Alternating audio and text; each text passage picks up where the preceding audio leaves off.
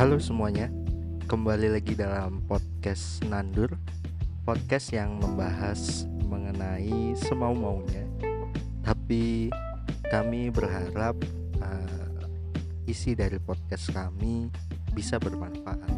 Karena seperti kata nandur yang dalam bahasa Jawa berarti menanam Maka apa pun yang akan kita tanamkan dalam konten-konten yang dibuat oleh Nandur. Semoga bisa kita panen bersama-sama dan semoga menjadi kebaikan untuk kita. Kali ini kita akan membahas mengenai muda berpancasila. Gimana sih? Seberapa jauh sih kita mengenal apa itu Pancasila? Gak usah jauh-jauh ke Pancasila yang begitu filosofis artinya uh, maknanya rasanya dan lain sebagainya contoh saja ada beberapa konten yang uh, menanyakan pertanyaan-pertanyaan sederhana kepada anak-anak muda bahkan anak-anak kecil mengenai tokoh atau pelajaran anak-anak atau anak-anak muda ini tidak terlalu memahami apa itu. Anak-anak ini lebih memahami soal game yang tiap hari dimainkan. Tidak salah, tapi uh, sebenarnya sangat disayangkan.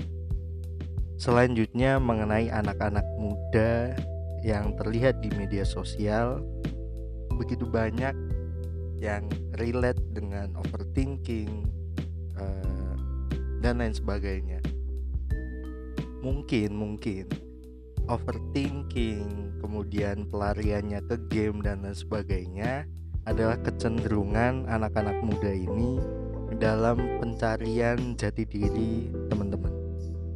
Kemudian dalam proses pencarian jati diri ini dimanfaatkan oleh banyak peran yang ada di luar.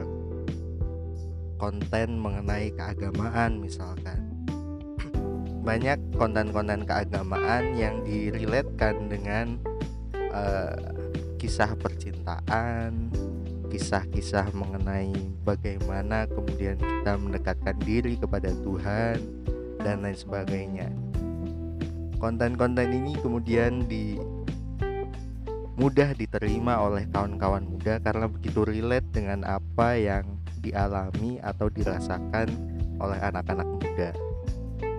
Konten lain misalkan konten-konten keuangan.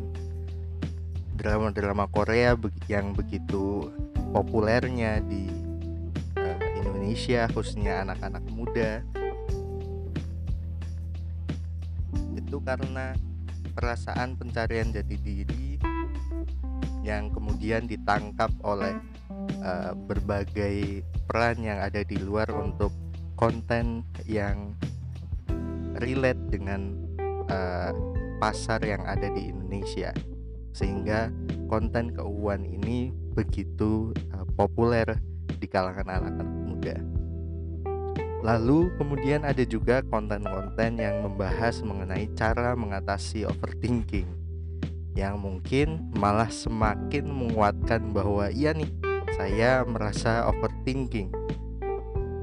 Dengan penjelasan-penjelasan yang ada itu kemudian menguatkan me, apa namanya me, semakin me, mengapprove bahwa iya nih uh, saya overthinking dan lain sebagainya. Bahkan sampai pada konten-konten uh, terorisme yang itu adalah puncak keekstriman dalam uh, penerimaan atau uh, pasca pencarian jati diri yang dimanfaatkan oleh konten-konten yang kemudian diarahkan menjadi uh, terorisme dan lain sebagainya yang dimulai dengan konten-konten radikalisme uh, yang dimulai dengan uh, kebencian terhadap orang lain, kebencian terhadap agama lain dan lain sebagainya.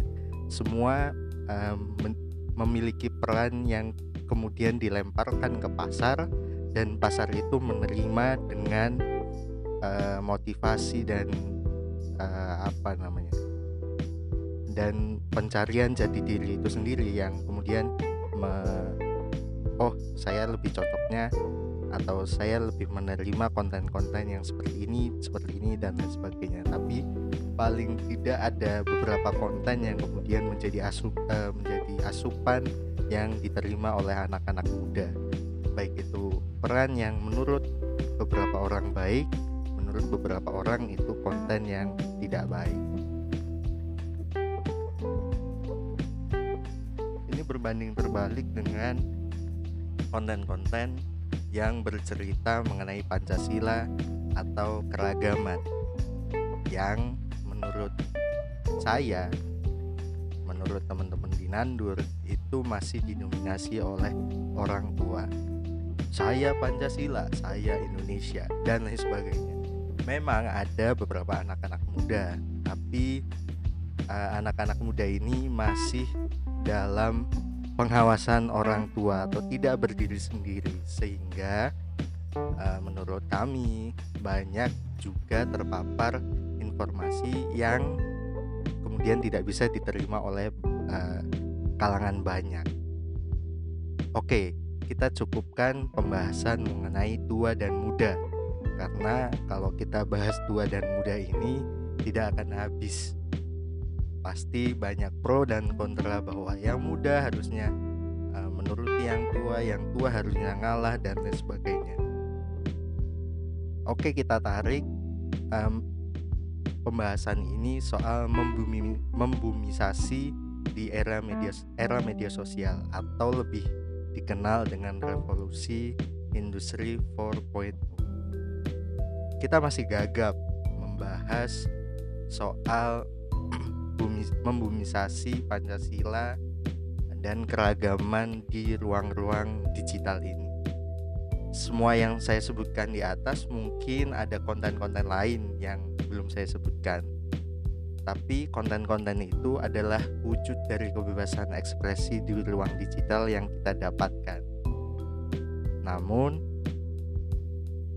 konten-konten itu juga bisa menjadi bumerang bagi uh, keberagaman atau uh, bumerang uh, di ruang digital kita karena kebebasan yang kita dapatkan harusnya sejalan juga dengan rasa tanggung jawab yang harus kita siapkan serta memahami bahwa ada hak orang lain juga yang harus kita hormati dan kita hargai.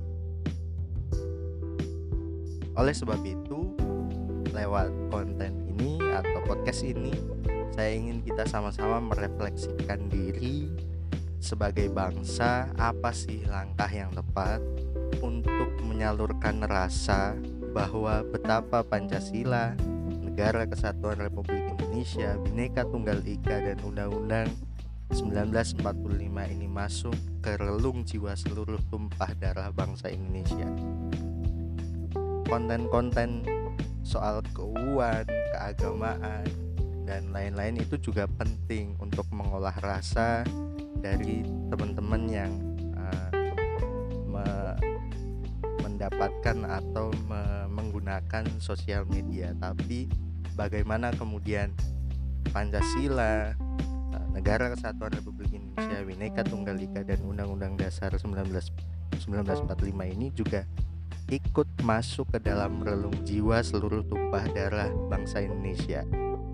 Saya kemudian lalu membayangkan bagaimana jika di warung-warung kopi, di sudut tempat tongkrongan, atau dalam setiap postingan media sosial hingga ke tempat perkumpulan pemuda yang lain, kita kemudian sama-sama membahas mengenai bagaimana cara kita sama-sama bergotong royong dengan rasa kecintaan kita terhadap tanah air.